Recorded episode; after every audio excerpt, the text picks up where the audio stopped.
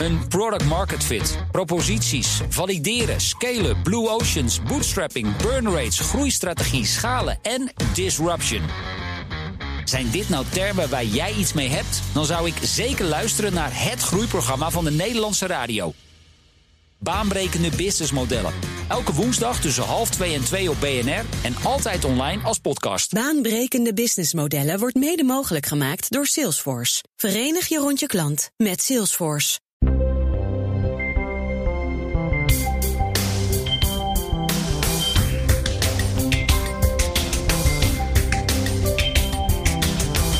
Meertalig opvoeden is eigenlijk net als sporten. Je begint met goede voornemens, dat is op zich prima, maar het werkt toch echt alleen als je het ook volhoudt.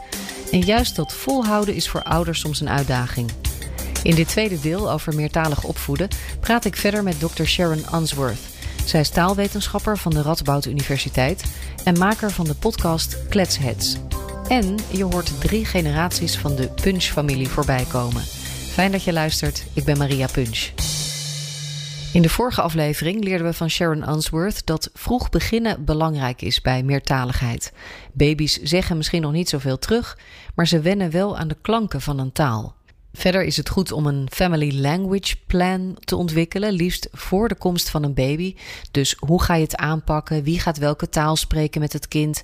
Maar weet je, als dat allemaal in de praktijk anders loopt, dan is het ook nooit te laat om je plan bij te stellen. Dat zijn bemoedigende adviezen. Maar ik vroeg Sharon Unsworth ook wat je nou als ouder beslist niet moet doen. Ik denk wat echt af te raden is, is dat je een tweede taal met je kind gaat uh, spreken, die je eigenlijk niet zo heel erg goed beheerst.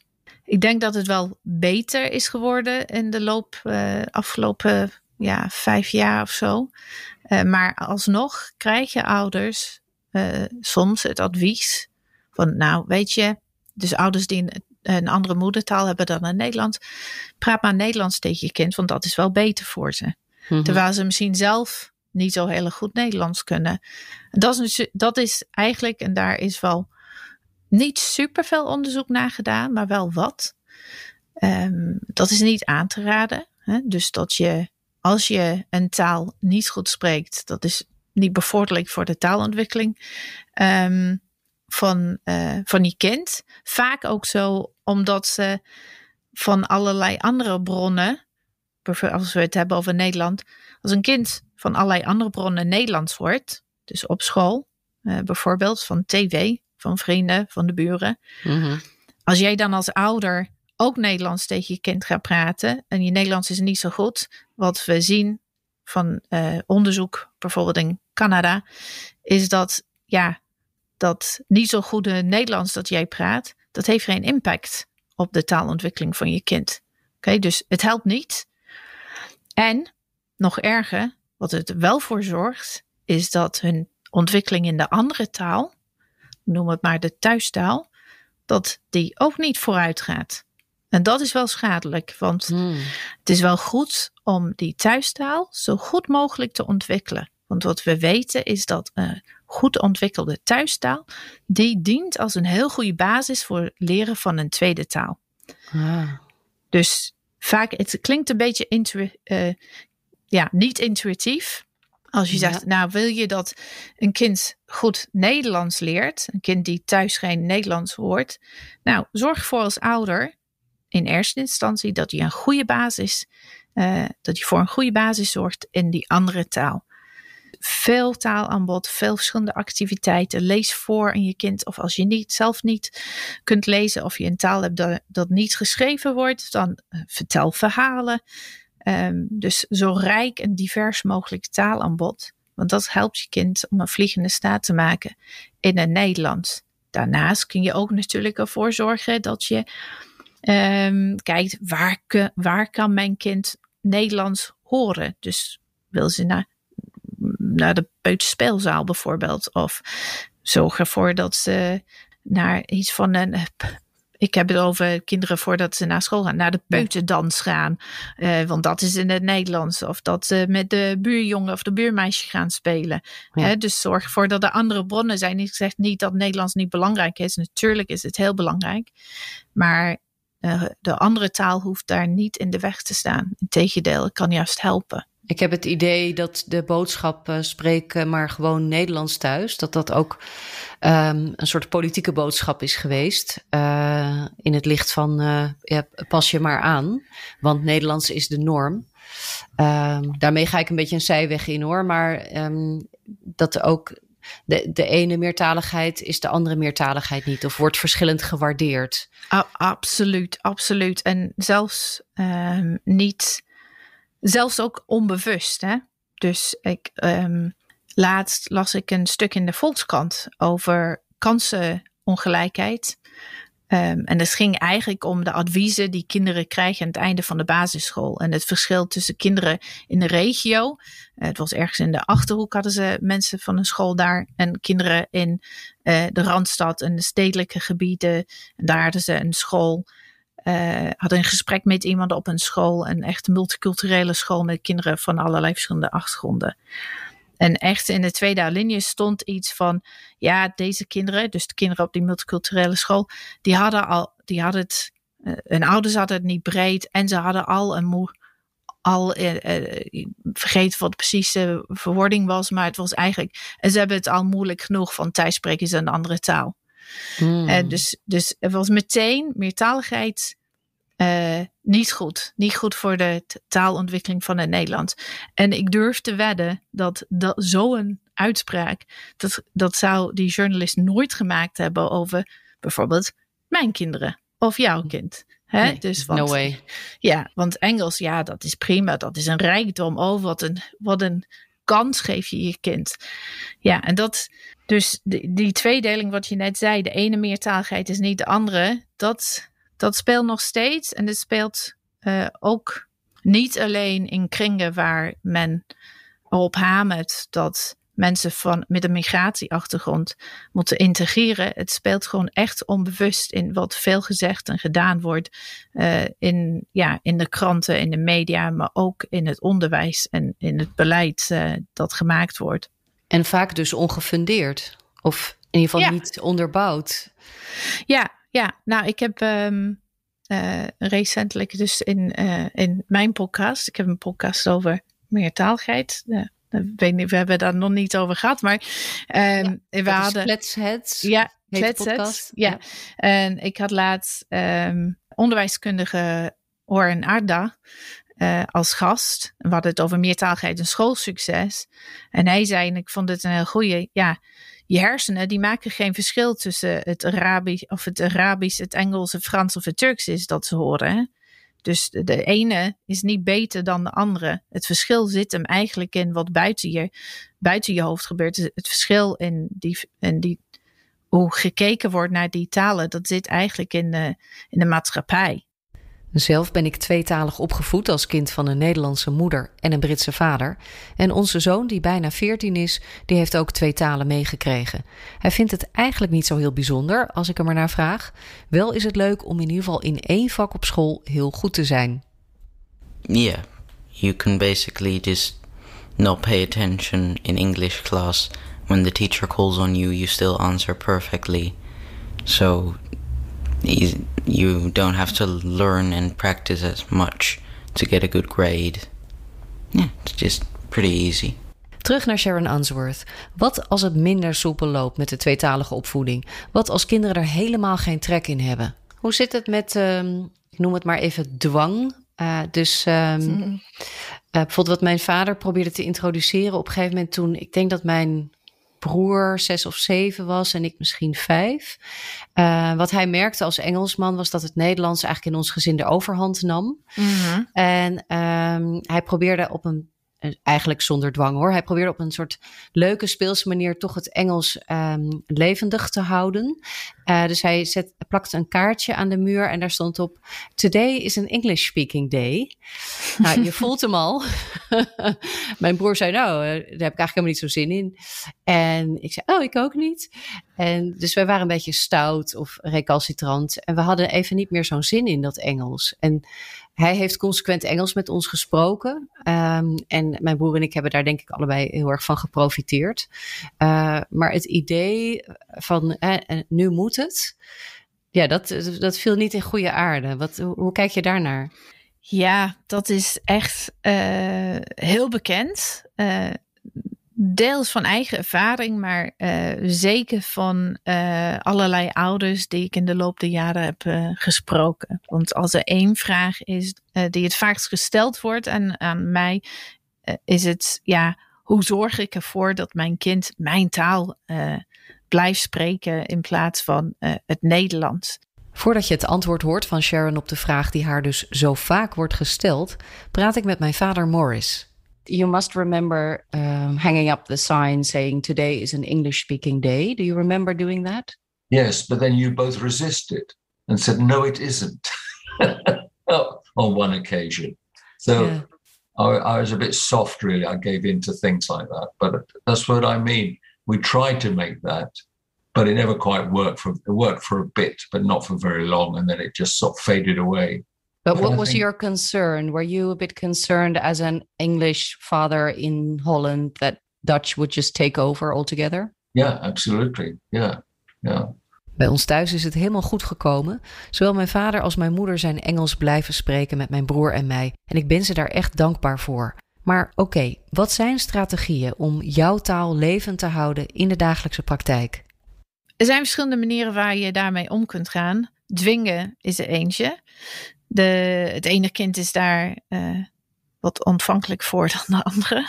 Maar ik zou.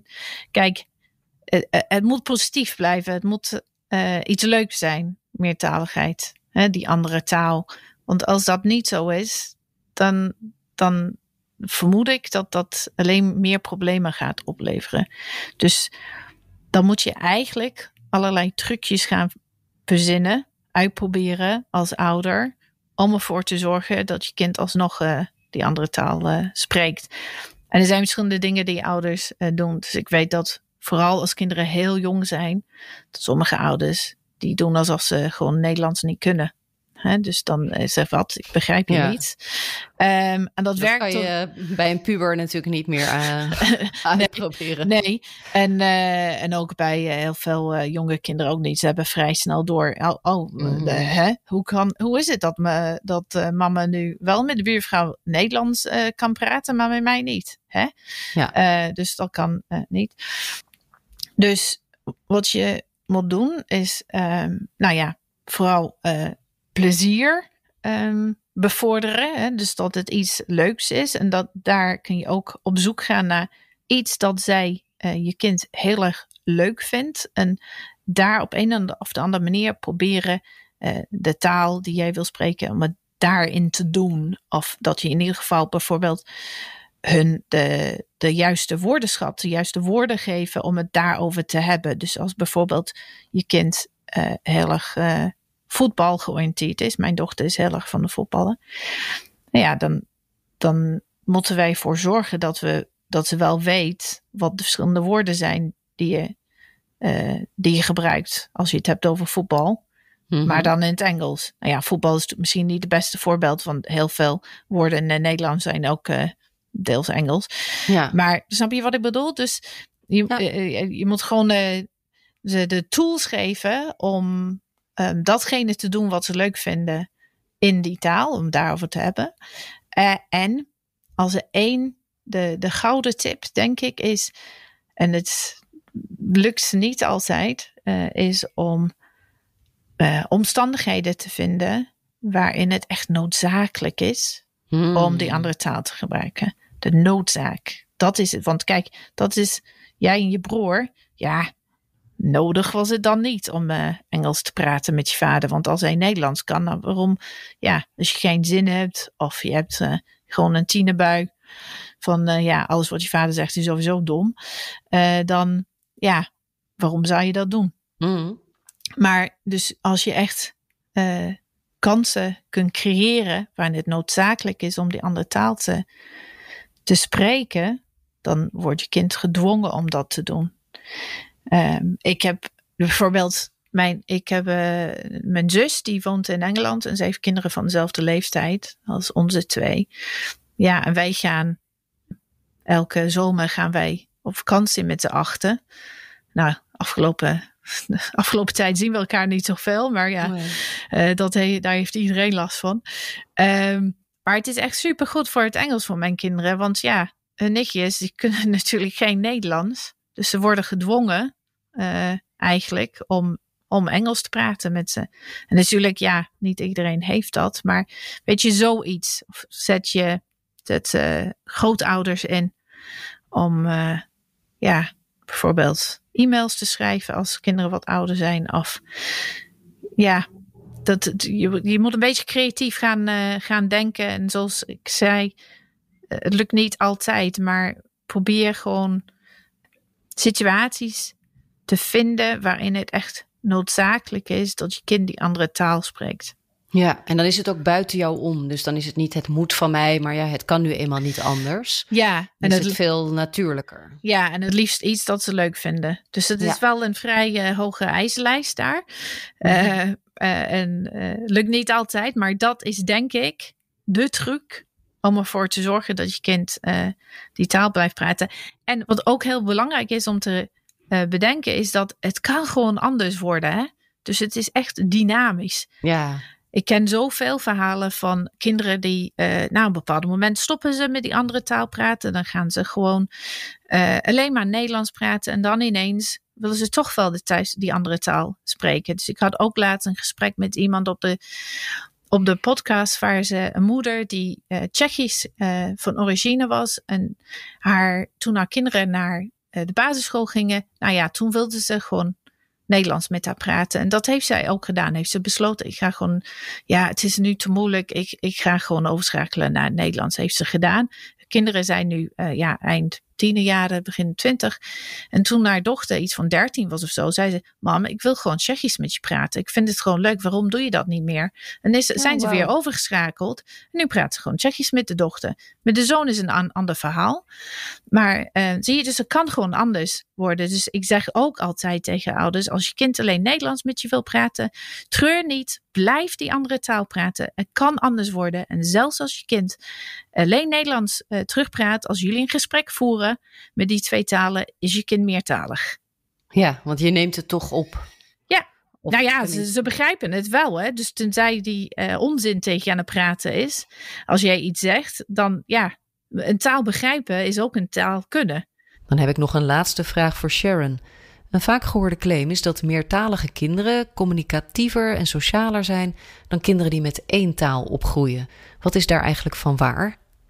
Sociale, communicatieve. Nou, communicatieve zeker in de zin dat zij door hun twee talen in staat zijn om met meerdere mensen te kunnen praten. dat als je aan een meertalig kind vraagt: wat, wat is leuk, leuk aan meertalig zijn? Is dit uh, de, het, het antwoord dat ik het vaakst terugkrijg als ik dat doe. Ja, ik kan gewoon met allerlei mensen praten. Dat vinden ze gewoon uh, heel erg leuk in het algemeen. Um, er is onderzoek hiernaar gedaan. Uh, dus of in ieder geval of het praten van meer dan één taal, of dat je helpt om bijvoorbeeld ja, het gesprek van de wereld van een ander perspectief te zien. Laat ik dat even toelichten, want dat was volgens mij niet zo heel duidelijk. Als ik met iemand zit te praten en ik weet uh, eerst in, als ik moet beslissen welke taal ga ik gebruiken, dan moet ik eerst weten, oké, die persoon, welke talen kunnen ze? Oké, ze kunnen Engels en Nederlands. Oké, dan, dan kan ik kiezen welke van mijn twee talen ik met die persoon ga gebruiken. Maar Soms zit ik in een gesprek waar de ene persoon die kan wel de ene taal uh, en de andere niet. Uh, de andere persoon is meertalig en de andere persoon die kan de andere taal. Weet je, dus je, je bent eigenlijk, je zou niet zeggen continu bezig, maar je bent in ieder geval een beetje getraind als meertalige persoon. En dit geldt ook voor kinderen. Om even het gesprek te kijken van de perspectief van iemand anders. Ja. ja?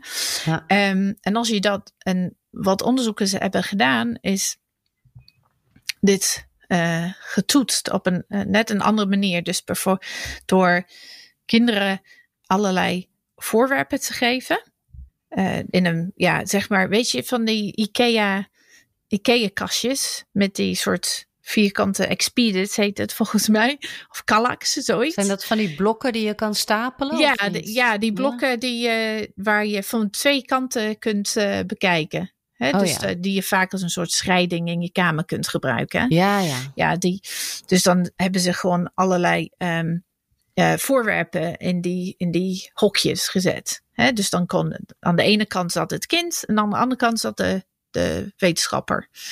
Uh, dus je ziet, daar heb je die twee perspectieven. De perspectief van de wetenschap en het perspectief van, van het kind. En soms was het zo dat een deel van, die, van dat kast, van die hokjes, dat was afgedekt. Zodat de wetenschapper niet kon zien, maar dat kind wel. En dus op het moment dat het kind iets moest doen met die voorwerpen, dan moest hij of zij gewoon nadenken: oké, maar weet die andere persoon aan de andere kant, de wetenschapper dus, kunnen zij het wel zien of niet wat ik, wat ik aan het doen ben? Ze moesten iets beschrijven volgens mij, weet je. Waar ligt uh, de grote bruine beer? Nou, die ligt naast de rode auto. Maar naast die rode auto is geen goede beschrijving als je weet dat de persoon met wie je zit te praten die rode auto niet kan zien. Mm-hmm. Snap je? En wat ze hebben gevonden is dat eigenlijk, dit deden we met een groep meertalige kinderen en een groep eentalige kinderen. En wat te zagen was dat de kinderen, de meertalige kinderen, die waren beter in staat om rekening te houden met de perspectief van het andere. En wat de wetenschappers hebben beargumenteerd, wat ze hebben, hoe ze dit hebben verklaard, is door te zeggen van ja, dat komt omdat meertalige kinderen die zijn eigenlijk uh, uh, dagelijks bezig met dat soort perspectief nemen van een andere, zoals ik het net uitlegde. Dus ja. spreekt die andere persoon? Welke talen spreekt die? Kan ik nu die andere taal, beide talen gebruiken? Moet ik, uh, moet ik alleen Nederlands of kan ik ook Chinees? Dus in die zin, dat is wel een lange antwoord op je vraag. Er is bewijs dat meertalige kinderen communicatieve vaardig of communicatief vaardiger kunnen zijn uh, dan, dan eentalige kinderen. Dankjewel Sharon Answorth voor alle inzichten over meertalig opvoeden. Heb jij het eerste deel van deze aflevering gemist? Die kan je dan terugvinden in de BNR-app. En ik zou zeggen, abonneer je ook meteen even. Dan uh, staat een volgende woordwaarde vanzelf voor je klaar. Die volgende woordwaarde, dat wordt september. Ik ga een kleine zomerstop houden voor podcast dan. Want ik ben veel aan het coachen, dus ik ben veel aan het werk deze zomer. En ja, ik ga ook even in een hangmat liggen. In september ben ik bij je terug. Dankjewel en tot dan.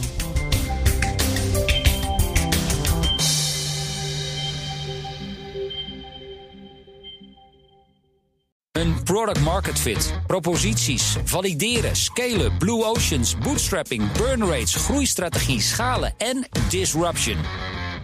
Zijn dit nou termen waar jij iets mee hebt? Dan zou ik zeker luisteren naar het groeiprogramma van de Nederlandse radio.